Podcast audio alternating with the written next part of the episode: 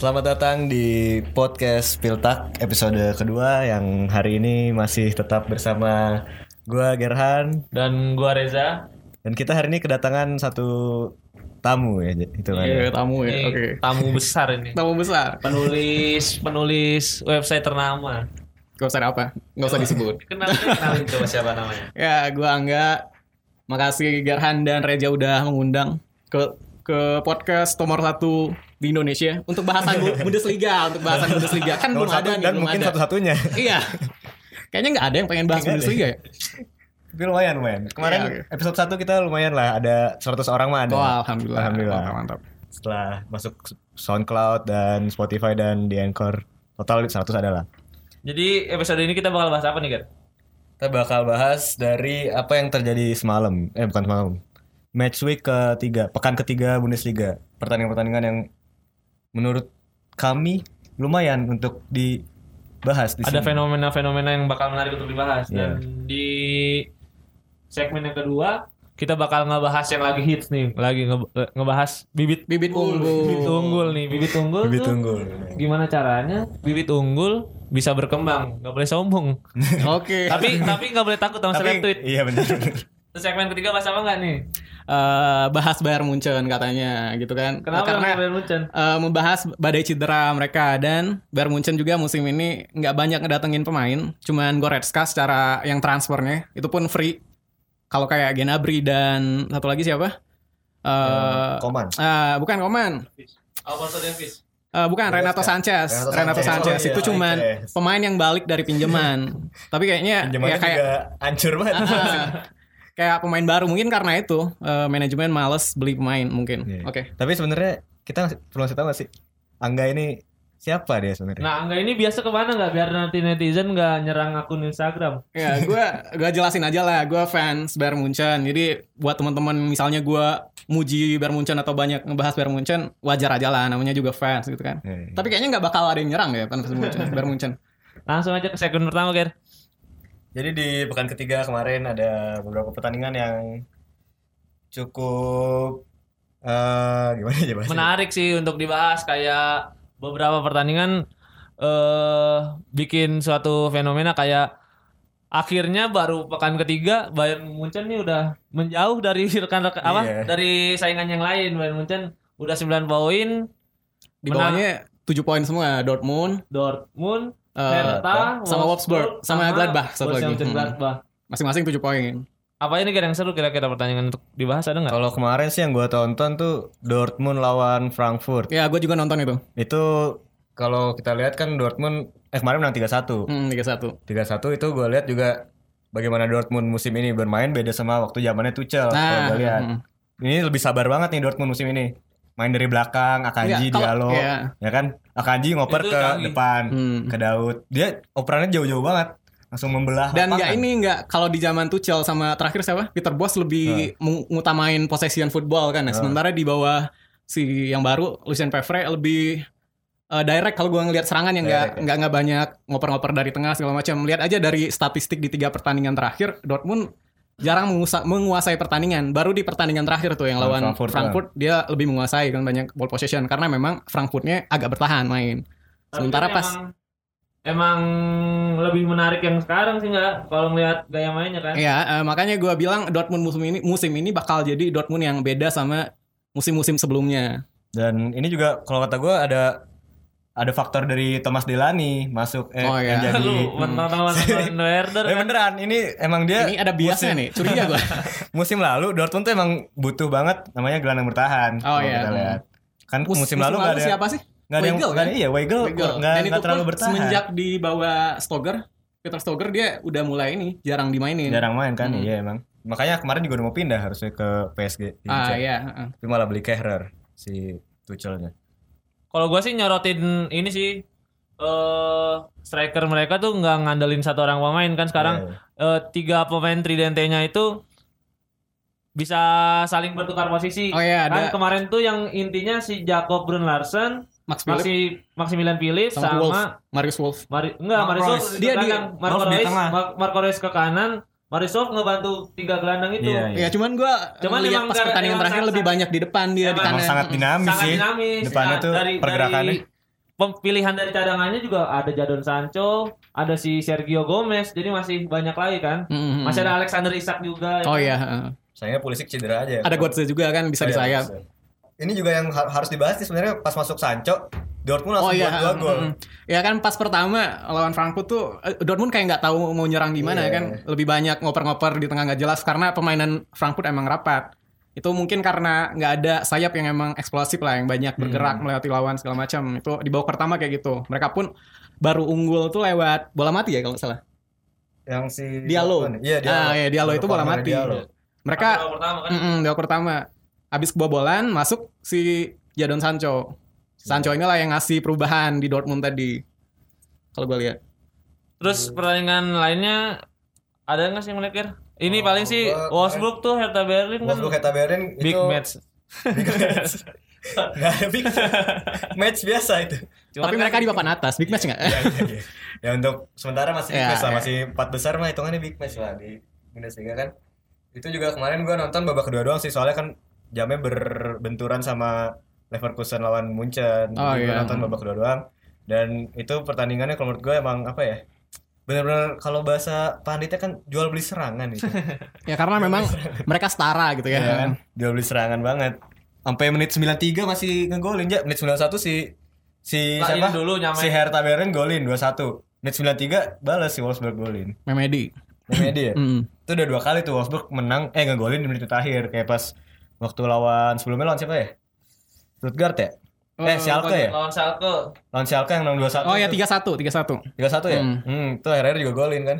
Kalau gue lihat sih Wolfsburg kan yang waktu itu tiga musim terakhir kan dia selalu di papan bawah sampai musim kemarin tuh puncaknya peringkat 16 dan playoff degradasi kan. Iya. Cuman musim ini gue lihat bisa lebih seimbang sih kayak pemain-pemain itu udah mulai udah mulai mateng kan kayak Maximilian Arnold dan lain-lain. Gerhard sih. Oh Gerhard gila Gerhard pas musim lawan lalu tuh lawan Schalke. kiri. Oh ya. lawan Schalke gua keren banget pokoknya Gerhard mainnya. Iya kan dia Mm. kembali lagi ke tengah musim ini Mm, nih. iya. Setelah beli Rosilon. Karena kan. Rosilon, Rosilon. back kirinya juga jago Rosilon. Nah, terus ada satu lagi nih fakta menarik di pekan ketiga. Ada dua tim yang musim lalu oh, berhasil lolos ke Eropa, akhirnya sekarang Di papan bawah. pertandingan nol poin. Mm-mm. Belum Cuma aman. mereka berdua yang nol poin Kar- se- karena Stuttgart sama Freiburg semalam seri. Iya ya. Akhirnya cuma mereka dua yang nol. Poin. Bayer Leverkusen sama Schalke. Gimana tuh nggak? kalau kata gue nggak heran sebenarnya kalau Salke ya khusus Salke gue nggak heran kalau mereka bakal agak drop musim ini eh, walaupun mereka musim kemarin ada di runner up karena kenapa pertama mereka kehilangan beberapa Goretzka. pemain penting ada Goretzka ada Meyer. Meyer Iya. udah Meyer kan musim lalu lebih banyak main jadi DMF gantinya udah ada si Sebastian Rudi. Itu lumayan lah kata gue bahkan kalau untuk bertahan lebih oke lah Rudi ketimbang Meyer tadi. Nah yang jadi masalah si Goretzka nggak ada berganti. Makanya si pelatihnya siapa? Tedesco mainin di Santo jadi AMF Kemarin ya, rekordista. Uh, karena ada Mark Wood kan. Mark Wood sama Buckstaller di depan. Dan di Santo jadi IMF-nya semacam playmaker gitu itu nggak efektif banget mainnya. Gue pernah sekali nonton Salke musim ini pas lawan Wolfsburg itu. Eh iya kan lawan Wolfsburg hmm, 3-1. Oh. Jadi gue nggak heran lah kalau Salke agak terpuruk musim ini. Ditambah pula kan nggak banyak pemain baru nih yang yang lumayan pemain bintang lah katakanlah yang ada bakat. Si Tedesco ini kayak nggak punya variasi serangan. Mereka eh, tiap main pasti skema 3 back, skema 3 back nggak nggak ada variasi lah. Padahal Hmm. squad mereka seadanya gitu seharusnya. Nggak, adaptif lah itu. Nah, heeh. bandingin sama pelatih Hoffenheim siapa? Nagelsmann. Nagelsmann. Dia squadnya seadanya, tapi dia lebih cerdas gitu, banyak variasi serangan, kadang pakai skema 3 back, kadang 4 back gitu. Kayak Niko Kovac musim lalu lah. Nah, iya. Squad seadanya banget itu. Iya, jadi Jonathan De Guzman masih jadi tim inti coba. harus ada variasi gitu. Kalau Kape Boateng, Kape Boateng. Iya, tapi Boateng. Jadi striker, jadi Kalau squad terbatas enggaknya ada variasi serangan, sementara di Salke nggak ada kayak gitu. Iya, iya. Mungkin aja kalau di Eropa menurut gue bakal susah mereka bersaing. Padahal enggak, tapi enggak kalau nggak ada penggantinya Goretzka tuh sebenarnya mereka udah nyiapin Serdar ya. Suat Serdar. Oh ya, udah. Cuman emang belum maksimal kan kemarin juga ter- pertandingan terakhir jadi cadangan. Nah kalau Leverkusen lebih aneh nih enggak? Iya. Pemain Mm-mm. nggak Nggak ada yang berubah. pindah. Terus pelatih juga sama. Ah. Cuman performanya nggak tahu kenapa. Nah itu dia, gue juga heran sebenarnya Leverkusen. Cuman gue ngelihat ada masalah di lini belakang aja.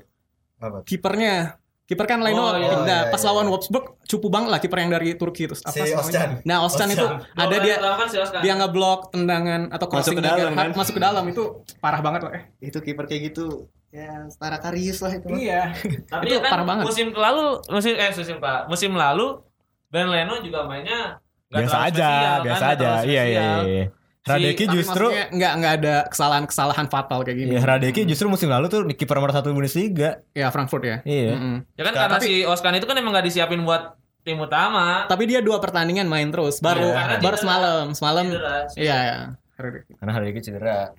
Dan kalau gua lihat post match ininya, post match interviewnya Lars Bender bilang gini, kita tuh ngerasanya kayak ini anak-anak masih pada liburan semua nih belum di Ah, sini iya. jiwanya. Hmm.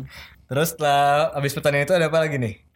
Bas Oh, Leverkusen Munchen ya? Oh ya, Leverkusen. Ah, Munchen. Leverkusen Munchen eh lagi Ya, dibahas ini ya. ini nggak nggak nggak kaget gue menang Munchen ya. Kayak cuman awal-awal tiba-tiba penalti ya masih lama pertandingan kan. Mm, Apalagi kan Leverkusen sebenarnya lagi lagi parah kan performa mereka. Jadi ya nggak nggak heran lah kalau Bayern Munchen pada akhirnya bisa menang dan menguasain banget gitu sampai 80% kalau nggak salah ball possession. Oh ya. Mm-mm. Eh 75 apa 80 gitu. Cuman kan yang disorotin tuh lini depannya Leverkusen pemain-pemainnya Kevin Volland, Leon Bailey tuh nggak bisa ini sih nggak bisa nembus pertahanan Munchen kan padahal Hmm. secara skill sih sebenarnya mumpuni karena defense-nya Munchen kan nggak spesial spesial amat sih nggak Iya, heeh. cuman gue lihat kemarin ketika mereka di lini tiga lini apa di ter, eh, terakhir Mm-mm. Mereka- Final third. final third mereka nggak bisa bikin eh, kombinasi-kombinasi buat ngebongkar sih. Hmm. Jadi mereka direct pakai individual skill semua. Oh, iya. Cuman pas gue baca itu lupa gue baca di mana kan pas gue lagi ngadmin di FCBFI ada artikel lah nongol di timeline gue baca itu karena eh, pertahanan mereka kacau kan Leverkusen jadi pemain-pemain depan tuh lebih banyak fokus ngebantu pertahanan gitu apalagi pas lawan Bayern Munchen jadi pas mereka menyerang jarang ada temen yang ngebantu ke depan gitu jadi mungkin itu salah satu masalahnya gitu karena pertahanan kacau main depan lebih banyak ke belakang dan mereka melupakan lini depan Hasil match day 3 ini semakin mengokohkan pendapat kita di Spiltak pertama kan, Ger? Apa tuh? Yang mana? Bahwa bahwa musim ini juara pasti Bayern lagi. Enggak. Oh ya, ya mungkin aja Bayern. Cuman gue nggak tahu kenapa walaupun gue sebagai fans Bayern berharap tim lain lah juara Dortmund lah seenggaknya. Dortmund lah ya. Mm-mm. Dortmund Apalagi lumayan mateng sih. mereka kayak serius gitu kan datengin Fortuna pemain. sih, Fortuna juara, Fortuna. Eh, Dortmund serius gitu datengin pemain musim ini Dat- datengin Iya. Wi- Witsel coba. Witsel. Li- Liverpool aja susah kan datengin dia. Harusnya Dortmund bisa lebih baik lah ketimbang musim lalu. Ya gitu. si Munchen ini udah dia sendiri yang menang terus ini. Ah, ah. Yang lainnya kan masih masih ada ke inilah kepleset lah ya. Emang tapi emang Bundesliga emang kayak gitu sih dari dari berapa musim yang belakangan kan emang jarak antara tim kedua sama tim ketiga ke tim keempat ke bawahnya tuh dekat-dekat banget. Cuma Ah, Munchen doang nih lari sendiri. Istilahnya gitu yang lain masih pada ngerangkak. Lagian kayak nggak serius gitu tau tim-tim Bundesliga padahal kayak Schalke kan musim lalu mereka runner up. Runner up kan pasti lolos ke Liga Champion. Mereka kayak nggak nyiapin bahwa mereka bakal lolos ke Liga Champion. Skuadnya kayak seadanya gitu. Eh, yang penting gue udah lulus lolos Liga Champion, gue beli skuad seadanya aja lah. Yang penting di Bundesliga bisa peringkat berapa berapa berapa. Kayak nggak ada keinginan buat berprestasi di Liga Champion. Nah itu sedikit nih buat menutup segmen ini kegelisahan gua mengenai Bundesliga. Kan era divisi beberapa musim yang lalu tuh sempat bagus kan dua, sampai 2012-an masih lumayan kan mampu bersaing. Nah, eh gua lihat Bundesliga nggak ngarah ke era divisi nggak. Soalnya hancur. kenapa? Hmm. Pemain-pemain yang didatengin hampir semuanya pemain muda. Kemudian kemudian mereka nggak mentingin Champions League atau Europa League. Mereka cuman pembibitan, pembibitan, pembibitan. Akhirnya ketika mereka bersaing di ajang-ajang Eropa. Eropa akhirnya turun nih gue takutin kan se- selama ini yang nolong Jerman tuh Bayern Bayern Munchen. Munchen. Nah musim ini Bayern Munchen juga sama nggak beli pemain siapa-siapa nggak beli pemain bintang takutnya performanya Bayern Munchen turun se- Ntar- secara permain apa pemainnya kualitasnya menurun tapi tetap, Hmm. tetap juara di Bundesliga mereka puas akhirnya kualitas Bundesliga yang turun gitu nggak Ya koefisien turun ntar. Ntar kesalip sama Ligue 1. Liga 1 ya. ada PSG Ada PSG dan Monaco juga lumayan kan sama siapa Marcel.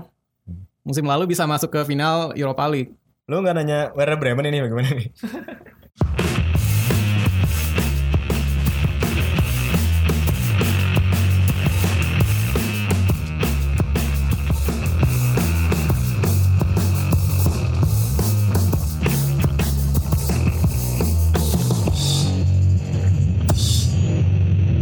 Lo kemarin dua hari tiga hari yang lalu buka Twitter gak jadi? Wah rame tuh banyak yang Ini ribut. lagi menarik ini.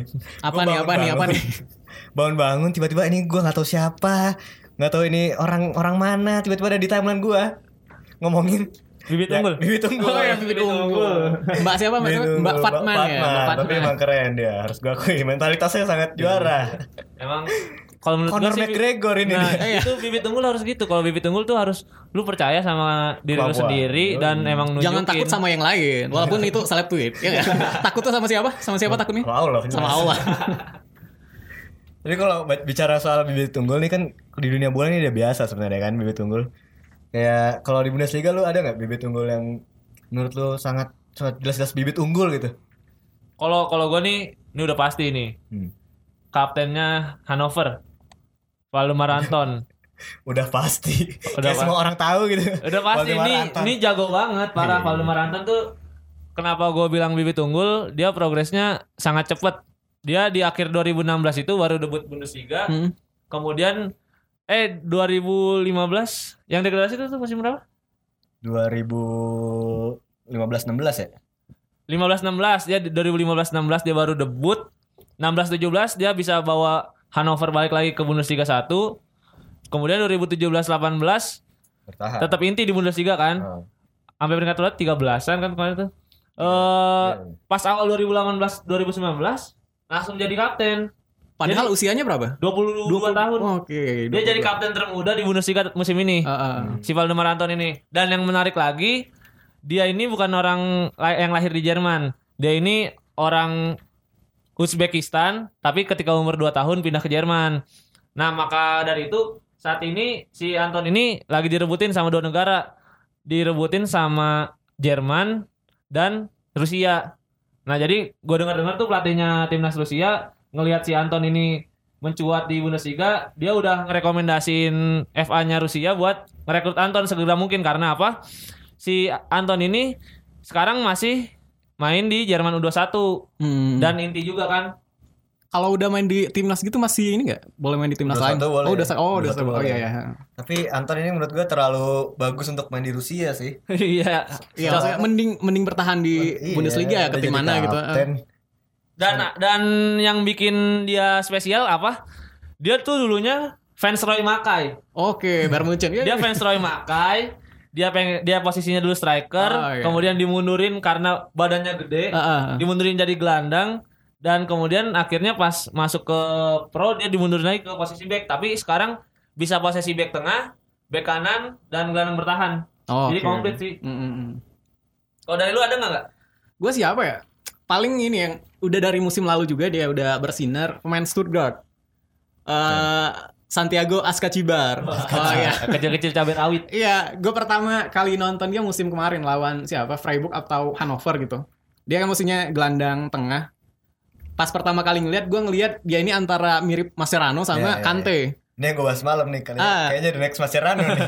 Masa Cibar nih. Mainnya ngeri banget baru ngeri. baru 6 menit udah kartu kuning Udah kartu kuning kedua game ketiga. iya Ah, dia agresif banget gitu dan kayak ada di mana-mana. Eh, dan ada keunggulan dia ketimbang Kante kan. Kalau Kante kan eh, dia ada di mana-mana, cuman nggak bisa jadi anchor gitu kan di tengah benar-benar gelandang tengah yang bantu pertahanan dan penghubung gitu.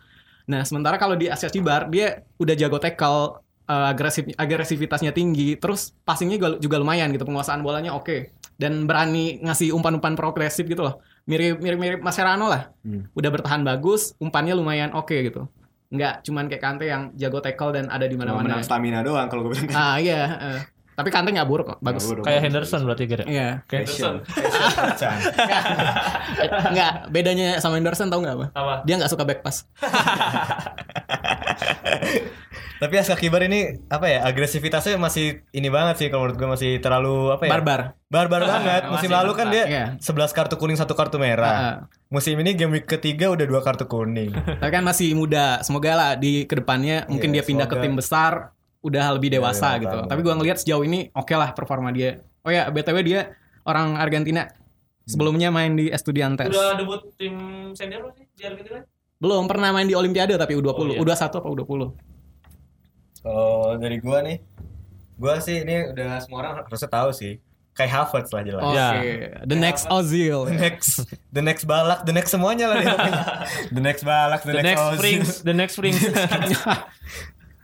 dari 2016 dia kan udah debut dari umur 17 tahun dia udah main sama tim utama Leverkusen waktu itu gara-gara pada cedera tuh katanya waktu itu Gua Ah, baca ah, pada mm. cedera kan siapa ya lupa gue Pokoknya pada cedera lah waktu itu terus di 2016 masuk UCL debut dan waktu pas fase knockout dia nggak ikut UCL gara-gara mau les matematika Oh, Eh, iya. les- ujian ujian ujian sekolah Sempat rame ya. ujian sekolah Gak ujian bisa geografi ya. gara-gara ujian. Berarti kan ini eh, bibit unggul yang memiliki attitude yang sangat baik. Yang ya. baik ya. Dia, dia sombong ya. Tidak sombong, mengutamakan pendidikan. Dan dia juga les piano aja. Waduh. Lengkap Di rumah les piano. Baik-baik ya berarti ya. Les piano gitu. Eh umurnya berapa? Gua- Umur masih musim ini masih 19 tahun. 19, oh, 19 tahun sudah kemarin kan baru debut kemarin. Udah debut timnas Jerman juga kan. Sebagai eh, di dekade ini dia sebagai yang ter termuda ke-6 setelah Götze, Draxler siapa lagi lupa pokoknya dia dekade ini termuda ke-6 di Jerman. Hmm. Dan di Leverkusen sendiri emang udah jadi reguler. Dia dari 50 dia tercepat di Bundesliga umur 18 tahun udah 50 caps. Iya, Dan gila itu. sehingga musim ini dia totalnya semua golnya udah 22 gol. Padahal masih 19 tahun ya? Masih 19 tahun. Ini kan kalau ini kayak nginget ngingetin kita kayak dulu siapa ya? Kayak gitu. Raheem Sterling kali ya. Ya, Sterling. Sterling. Raheem Sterling udah Sama Mayer. Mayer dulu kan Mayer. masih muda banget udah debut. Iya, prodigi prodigi gitu. Cuma Mayer attitude-nya kan tuh? Iya, itu Dia bibit unggul yang belum berhasil gitu ya. Gagal Membuktikan nggak? kalau bibit berhasil. unggul lu belum tentu berhasil. Iya, Ketika harus- bibit unggul lu harus bisa harus punya, punya attitude, attitude yang baik. bener. Jadi Iya, netizen itu bener bener. dong. Netizen bener Mengkritik attitude. Jadi dukung siapa nih? Tim Fatia bukan? Eh, tim Amrazing. Tapi kan kalau bicara attitude kan kayak kita lihat bagaimana eh, ada bibit unggul nih. Mm-mm. Tim Munchen ini. Oke. Renato Sanchez. Renato bibit Sanchez. unggul tapi iya, musim lalu tuh aneh banget ya gue baru baca artikelnya semalam. Mm-mm. Kalau Renato Sanchez tuh musim lalu Di Swansea. dia kan? gara-gara buruk di debut dia jadi kepikiran mulu itu satu-satu Oh season. iya, gue pernah lihat satu laga dia lawan Chelsea kalau nggak salah lagi di sayap kan di kiri dia ngoper ke ini ke papan papan sekolah papan, papan iklan. papan iklan. Padahal si si Clement ini si pelatihnya siapa sih Clemens ya? ah Clemens Kalau Clemens ini dia bilang kalau si Renato Sanchez ini adalah di kalau di latihan dia yang terbaik, Mm-mm. pemain yang terbaik. Tapi ketika di main di la- match beneran dia merasa kayak terbebani gitu ya jadi mainnya nggak lepas. ada masalah di mental ya Ada mentalnya- Mm, karena mentalnya bebannya masih- terlalu gede kali ya Kalau yang dibully kemarin kan mentalnya sangat luar biasa aja. ya harusnya Emang harus Semua dibalas-balasin. Sebenarnya nggak apa-apa sombong, tapi lu mental harus bagus dulu. Iya, Oh, mental iya. harus bagus dulu Iya. lah. Lu harus tahan banting lah itu Jangan kayak Peter Cech. Peter Cech kenapa? Oh dia baper ya Waktu dia roasting sama Leverkusen Sama admin Leverkusen Iya. berantem. dia nggak tahu emang suka canda kan dia Leverkusen iya, emang baperan udah tua ya mau gimana lagi kan udah kolot mah gak bisa diubah. Terus kalau dari setelah kita bahas bibit unggul nih kan ini yang tadi kita bahas kan emang udah jelas banget. Iya, udah. ya udah udah Mapan. dari sebelumnya udah ada walaupun mungkin banyak dari pendengar yang nggak tahu Waldemar Anton itu siapa. itu jago. Asa Cibarca siapa. jago. Tapi kalau kita tapi sebenarnya kalau di Premier League dia main pasti udah terkenal Iya, benar benar benar benar. Emang kurang sorotan aja Iya. sebenarnya. Kalau yang breakthrough kira-kira siapa yang musim ini, Ger? breakthrough maksud dalam artian mungkin ini kali ya Iya. eh, yang musim lalu nggak nggak terlalu bersinar tapi musim ini bisa jadi yang bisa dibilang miliki inilah ya spotlight sendiri mungkin gitu ya kalau gue sih ada ini Maximilian Eggestein Wow, dari Werder. Bremen gue pengen juga nih. Maximilian tuh yang yang ada yang kakak? nah dia yang Oh, yang ada kakaknya dua. yang bingung kakaknya. ada dua. Iya, yang kakaknya. Sama- makanya dia selama ini di bawah bayang-bayang adiknya. Oh. Yang terkenal tuh adiknya. Dia jago banget di mirip timnas ini ya, muda. siapa ya? Johannes Eggestein ya ya ya. Johannes Augustin tuh jago banget. Dia selama ini di bawah bayang-bayang adiknya. Tapi sejak 2016-2017 pas pergantian pelatih dari si pokoknya Skripnik baru ngelatih tuh dia main main mulu. Gara-gara si Barfred cedera dan dia akhirnya ditaruh di defensive midfielder oh iya. bareng sama Delani sama Junuzovic terus di musim setelahnya dia makin ini kan udah udah makin apa ya makin berkembang. berkembang lah. Jadi udah jadi pilihan utama bareng Delani Junusovic lagi. Dan di musim ini udah dia udah terlepas dari dua bayang-bayang itu tuh Delani Junusovic Udah Hmm. dia oh udah ya udah pindah semua udah pindah. ya? sekarang jadi Barfred udah sembuh. Barfred main di defensive midfielder. Eggestein dikasih role yang lebih Lebih roaming ya, lah lebih- advance bareng Klasen Dan kalau lihat juga kemarin kan golin dia. Golin tuh canggih banget. Canggih banget gol ya. dari dari luar kotak penalti, syuting ke tiang pertama dan langsung menghujam Langsung, iya. gawangnya. Kalau menurut gue musim ini ya breakthrough-nya dia lah udah terlepas dari segala bayang-bayangnya Delani Junuzovic dan adiknya yang terpenting. Dan kebetulan bola Bremen lagi oke musim ini. Lagi oke. Iya, dan dia punya Iya. tandem yang lumayan lah Iya, di tengah tandemnya siapa? kan Nur Klasen. Sahin, Klasen. Klasen sama Nur Sahin. Itu menurut gue bagus lah pemain Iya, muda bisa dipasang jadi- dengan dengan jadi- pemain berkualitas seperti itu jadi kan. mentor juga kan. Mereka Mentor. udah lebih berpengalaman soalnya. Hmm. Kalau gua tadinya pengen Jolinton, Ger. Jolinton. Jolinton menarik, Oke. namanya keren banget Jolinton. Oh namanya yang keren. Nama Brazil Brazil Paulinho, gitu kalau ya. nggak Paulinho kan keren. Paulinho. Tapi gua nyorotin Luis Bayer nih ada bek kanannya Munchen Gladbach. Oh iya. Dia di pertandingan pertama itu eh, langsung inti karena beberapa pemainnya Gladbach cedera dan seminggu sebelumnya itu juga debut di DFB Pokal. Nah, kemudian dia main umurnya itu 18 tahun, kelahiran 2000 dan emang prospek sih mainnya langsung pas pertandingan pertama itu jadi pemain Gladbach yang paling bagus menurut media Jerman. Dan sebulan setelahnya langsung ditawarin kontrak sampai 2022. Jadi progresnya itu cepet banget sih. Kalau gue pikir bakal breakthrough sih musim ini sekitar 15 sampai 20 pertandingan sih bakal main dia musim ini. Kalau gue siapa ya? Gue pengen ngomongin Sancho, cuman dia udah udah punya nama kan sebelumnya musim lalu udah lumayan oke. Jadi Tapi paling kan musim lalu juga cuma Cuma berapa 12-an Iya, pertandingan ya. belasan- Belasan pertandingan. ya atau maksud gue udah udah dikenal orang dan emang udah tahu dia punya kualitas. Jadi paling gue bakal ngebahas eh bibit unggulnya Bayern Munchen nih. Siapa? Ada namanya Timothy Paul Will. Paul Will. Tahu nggak? lagi itu? Oh, nggak tahu. tahu kan?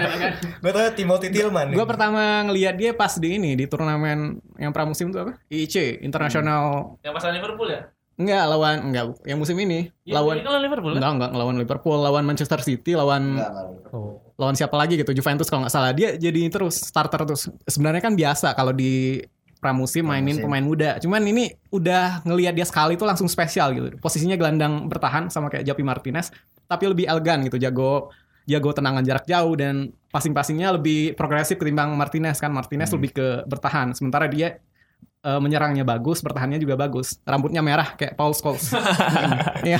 Ginger dong. Iya. Eh, dia menurut gua musim ini mungkin dia nggak bakal banyak main ya, nggak bakal 15 apa 20-an pertandingan, apalagi lini tengah Munchen sesak banget gitu. Tapi mungkin dia bakal dapat lah 5 pertandingan apa 8 pertandingan walaupun itu sebagai pengganti. Menurut gua di musim-musim berikutnya kalau Kovac berani ngasih kesempatan main buat eh, Paul Will, dia bisa jadi sesuatu lah di masa depan. Ngelihat dari kualitas yang sebelumnya gua saksikan gitu. Tapi kan yang ditakutkan dari pemain-pemain yang bersinar di pramusim itu kan gimana pas dia main di musim, apalagi main muda kan. Ah, ah, ah. Di, gimana dia pas dikasih debut kayak Jacob Brun, Brun Larsen kemarin itu Iya sih. berapa kali dia lost ball, terus berapa kali dia salah passing, kayak kelihatan banget nervousnya. Padahal di di pramusim bagus banget si Brun Larsen ini golin mulu kan. Ya itu Dortmund. tergantung kekuatan mentalnya Iya, tadi. Dia harus jadi bibit unggul yang, Yang kuat mental. mental. kayak Mbak Fatman tadi ya. Tapi gua gua baca tulisan lu baca ini enggak yang Jonathan Liu yang yang ngebahas Frankie De Jong. Oi, gue gue belum baca. Itu dia nulis Frankie De Jong tapi nggak pernah nonton Frank De Jong. Oh, Jadi gimana tuh gimana? jadi dia Gimana dia? Uh, jadi dia ngebahas hype pemain muda saat ini Mhm. ketika lu bisa dengar dari pandit, lu bisa ngelihat kompilasi mereka di YouTube, lu udah bebas Nah. ngomong buat pemain muda itu kalau dia bakal ba- bermain bagus. Jadi Ah, ya, ya. dia tuh nulis di situ ngebahas kalau si Frank De Jong ini banyak orang yang nggak pernah ngeliat tapi udah ngegadang-gadang di pemain the nextnya siapa, the nextnya siapa Hmm. bakal nanti pindah ke Barca. Padahal lu cuma ngeliat kompilasi YouTube, seandainya lu nonton juga paling cuma berapa menit berapa menit doang. kan. Iya, ya. Kalau nggak di timnas Belanda yang yang skala bermainnya itu nggak terlalu kompetitif lah kan kalau di timnas. Hmm. Eh kemudian akhirnya jadinya si pemainnya ini bebannya tinggi dan akhirnya ketika dia bermain jelek langsung akhirnya banyak yang Menghujat. ekspektasinya nggak sesuai Hmm. akhirnya turun kan. Banyak contohnya. Ya itu eh, balik lagi tergantung mental si pemain itu sendiri. Dan netizen emang bangsat. Iya, gue kira netizen Indonesia doang yang bangsat, rupanya banyak ya. Di luar juga kayak gitu, suka suka ngehujat.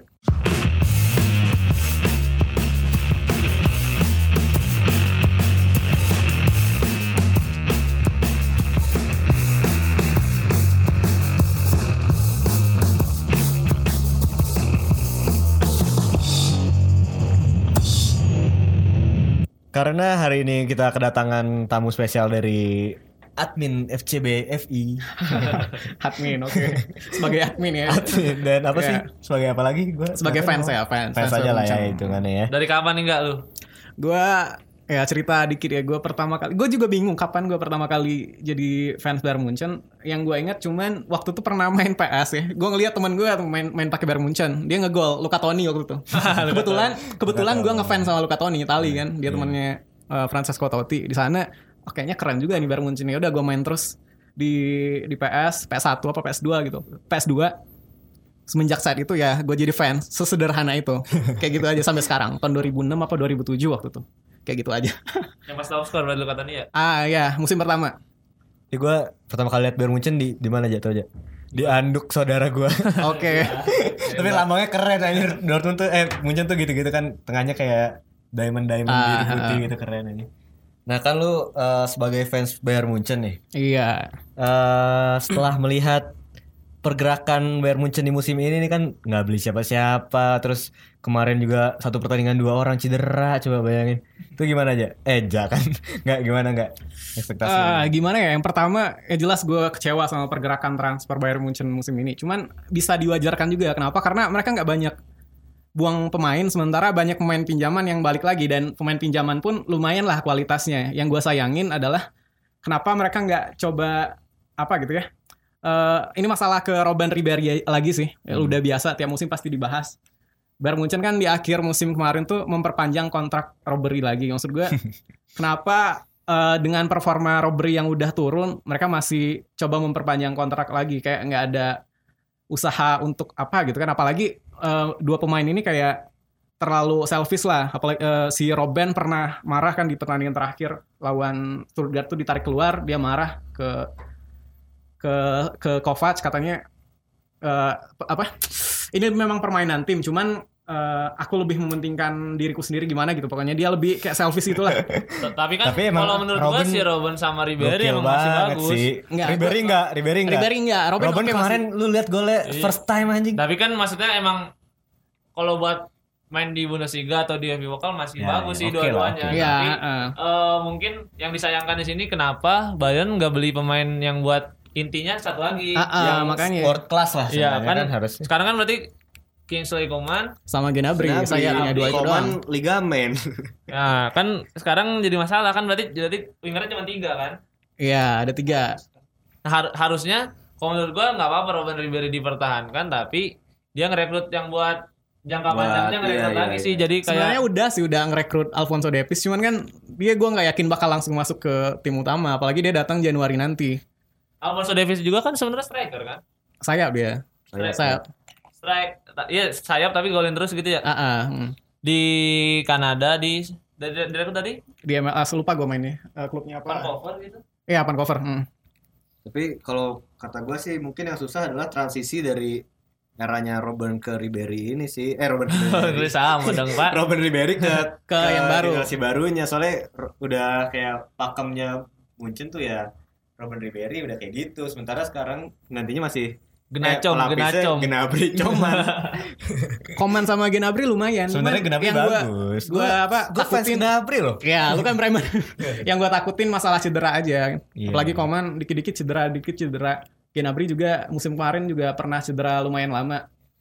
Menurut gue cari pemain yang mana gitu yang lumayan eh, fisiknya kokoh lah buat eh, pengganti Nah, tapi kan Robin. Robin kayak gitu dulu pas masih kecil cedera. Terus walaupun misalnya nggak ngeganti sayap gitu kan nggak gantiin nggak cari pengganti Robin Ribery seenggaknya nyari ini nyari sistem yang bisa berjalan Iya, tanpa iya, mer- iya. pemain yang setipe Oh, mereka. Kovac itu Gue dulu jago berharap sih. Kovac bisa, Kovac soalnya bisa kan sih. di Frankfurt 3 back kan, kan, dia nggak mainin sayap yang suka nusuk gitu kan. Iya. bisa ber- kan bisa mainin tiga lima dua atau Ah, ah, tiga back, gue berharap gitu sumpah. satu Gue jujur udah bosan lah sama gaya main Munchen yang dikit-dikit possession itu tiga kan. empat dua satu cocok sih kan dulu Guardiola sempat nyoba kan tiga empat dua satu gitu kan Ah, ah. yang kiri Alaba kanan Lam kan lu Ya, tengah, tapi alasan di Kovac katanya kenapa dia nggak bakal make skema 3 back musim ini karena dia nggak punya pemain untuk mendukung hal tersebut gitu.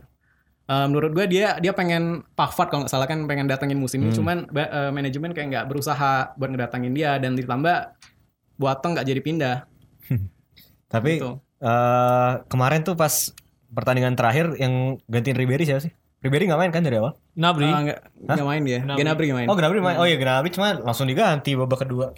Emang ini nggak nyampein. nggak kelihatan kemarin Nggak pas lawan ya? lawan Leverkusen. Terus ini Ribery ngambek lagi pas di akhir. Dia dia bilangnya ini sih apa demi alasan keluarga dia Nah. duluan pulang sebelum pertandingan usai tapi fans-fans sudah pada ngira ah dia pasti ngambek nih. Netizen lagi kan. Mainin iya. Jadi sebenarnya bikin panas netizen nih. Iya. Nggak cuma di Indonesia ternyata. Kan emang masalah sih menurut gua eh, attitude-nya Ribery sama Robben dia terlalu Iya, kayak udah Gua pengen main, padahal- lah ya. pas perpanjangan kontrak kabarnya ada semacam apa sih, Perjanjian gitu. perjanjian kalau mereka nggak bakal marah misalnya ditarik keluar atau atau nggak di, atau nggak dimainin gitu sementara musim ini udah dua kali mereka ketahuan ngambek gitu Tapi gue rasa kena batunya juga sih Bayern Munchen sekarang kan setelah nggak datengin siapa-siapa Goretzka. Cuman kan Goretzka gratis, Renato Sanchez balik, Gnabry balik. balik, Alfonso Davies Januari, tiba-tiba badai cedera kembali datang. oh iya itu dia ini Siapa dia aja masalah Tolisso 6 bulan ya Tolisso 6 Tolisso bulan. 6 bulan Rafinha CL. Rafinha Beberapa beberapa, pekan 4 pekan, 4 pekan kalau. Ah, sebulan lah sama Koman Koman Koman berapa? tiga tiga bulan 3 bulan bulan. sampai pokoknya 2018 nggak akan main lagi sih kayaknya. Mm-mm. Hmm. Nah, gue berharap kalau dengan adanya cedera ini, seenggaknya kan kalau buat target juara Bundesliga oke lah, mungkin masih bisa. Buat UCL udah nggak bisa kan. Sementara kalau fans misalnya Bayern Munchen cuma juara Bundesliga udah biasa kan nggak seneng. Seenggaknya dengan kayak gitu Sombong. Ya. Sombong. Kita Liverpool ini dua dua kan udah biasa. tahun. Seenggaknya apa gitu nyari sesuatu yang bisa diberikan kepada fans. Gue berharapnya itu ada pemain di akademi yang di Pemain akademi terakhir yang itu Joshua kan? Eh, Joshua bukan Joshua akademi. Stuttgart. Dia dari Oh, Stuttgart. Stuttgart. Leipzig. Leipzig. Leipzig. Benar. Seenggaknya walaupun musim ini nggak juara UCL, nggak ya. nggak jauh di UCL ataupun bund- cuman juara Bundesliga, cuman ya, cuman juara Bundesliga adalah satu apa dua pemain akademi yang yang kembali masuk ke skuad utama. Terakhir kali Bayern Munchen punya pemain akademi itu tahun berapa? Pas zaman Van Gaal pokoknya ada Oh, yang langsung Van Gaal emang nalurin Eh, eh, langsung lima pemain ada Alaba, Muller, Badstuber, Contento. Contento, Kroos juga zamannya Van Gaal walaupun waktu itu dia nggak Gokil langsung sih. banyak main. Konten tuh ya, konten. Konten dong. Balik balik Bundesliga kan, balik Bundesliga. Iya, kalau. Düsseldorf. Oh. tiba-tiba balik. Sebelumnya di ini kan di Liga Prancis. Bordeaux, Bordeaux. Iya, Bordeaux. Dan belum nyentuh 30 kan umurnya tiba-tiba masih muda. Iya, seangkatan. seangkatan sama Iya, Muller, Muller Alaba. Iya. Back sayap kiri dia. Sama Ekici waktu itu. Ya. Ya itulah pokoknya kayak seenggaknya walaupun nggak terlalu berprestasi musim ini ada sesuatu lah yang buat nyenengin fan. Salah satunya ada eh, pemain dari akademi yang dimasukin ke skuad utama gitu, yang ditelurin lah. Kalau dari masalah transfer nih ada hubungannya sama kayak kebijakan 50 plus satunya Bundesliga nggak sih kayak kan kalau kita lihat Munchen musim ini nggak mau jor-joran tuh. Itu ada hubungannya nggak? Apa emang manajemen aja yang Enggak, emang manajemennya aja. Emang si Uli Hones sama Nah, tapi kan Hones. emang Bundesliga musim ini parah kan. Maksudnya Parah, transfernya kemudian bukan parah dalam arti pemain yang direkrut jelek, tapi banyak. nggak ada tim yang benar-benar iya, jadi hampir semuanya tuh untung kan. Iya. Hampir Dortmund enggak? untung. Dortmund banyak. Kecuali Dortmund. Dortmund, kecuali Dortmund doang. Karena Dortmund yang pemain termahal juga dari Dortmund. Siapa kan? Abdo Diallo. Abdul Diallo. back 25 tengah. juta. Dari main sih. Transfer 25 termahal. juta. Transfer termahal Bundesliga Iya. musim ini Abdo Diallo back 25 juta ini. Dan emang yang mahal-mahal kan Salif Sani, back Salif Sani. Pak. Jadi pemain-pemain bertahan malah. Delani. Jadi wajar Ya pokoknya perputarannya kebanyakan di Bundesliga itu aja. Iya. Jadi kayak wajar aja maksudnya eh, dia nggak ada pemain mahal karena banyaknya tim-tim memperbaiki pertahanannya kan musim ini. Hmm. Nggak ada banyak pemain depan yang pindah-pindah, sekalinya pindah gratis. Curang banget Goretzka Cuman gratis. gua gua curiga kayak gini kan Bayern Munchen eh, dari dua musim yang lalu udah manajemen udah kayak nginvestasiin buat akademi, udah serius banget. Akademi sampai ada sekolahnya buat buat SMA, SMP gitu lah. Hmm. Mungkin karena itu kali ya jadi gengsi buat beli pemain gitu. Karena punya Oh, akademi yang iya, bagus. iya. Heeh. Biar Ini kelihatan kepake gitu Iya, ya. gue pernah baca di mana ya? Dananya kepake nih nih hasil ada gua tweet nih. dari orang gitu di Nggak tahu dah. dananya jelas gitu kan nih. Mm-mm. Akademinya dibagusin ya harus ada hasilnya dong. Nggak kayak Chelsea kan. Iya. Lebih bagus ya percuma lebih bagus. Mungkin yang sih. sama City, Chelsea kan Iya, akademinya emang akademinya terbaik di Inggris gua akuin akademinya terbaik di Inggris. Chelsea juara mulu. Dia timnas timnas juniornya seenggaknya ngirim 4 sampai 6 pemain yang Tottenham, Chelsea sama City tuh selalu ngirim banyak. Cuman ya nggak ada yang nembus tim utama. Nah kalau kita tarik ke bibit unggul lagi nih, Munchen musim ini ada bibit unggul siapa yang benar? Ah, Paul Will yang tadi yang gue bahas. Ya. Kalau ini Paul si Will. Lukas May, Lukas May gimana? Oh iya Lukas May satu lagi. Dia dari musim kemarin udah ini sih udah mencuri perhatian pas dikasih kesempatan oleh Henkes Eh, di tiga pertandingan Bundesliga dia dia selalu jadi starter. Musim Felix ini gimana Felix? Felix Eh, Kudu. Lukas May mungkin ya bisalah jadi pelapis, Sule, Lapis Hamel Sule. sama mirip sih kayak sama Sule. sama Boateng. Mungkin dapatlah 5 apa 10 pertandingan walaupun jadi sebagai pengganti. Felix masih Felix di Bayern. Felix Felix. Gotze. Alex Götze udah pindah ke Augsburg Kalau si Timothy Tillman gimana? di Nuremberg. Oh, dia ke Nuremberg Ah. sekarang. Kalau kalau gue sebenarnya optimis sih ini Marco Friedel tadinya. Dia Dia kan dipinjemin di kan? Nah, dua musim. Pinjemin Iya. ke Bremen. Gue kira Marco Friedel tuh bakal tembus. Hmm, tembus. Seharusnya ambil siapa lagi kan Bayern Munchen nggak ada Bakal back tembus. sayap kiri pelapis Alaba.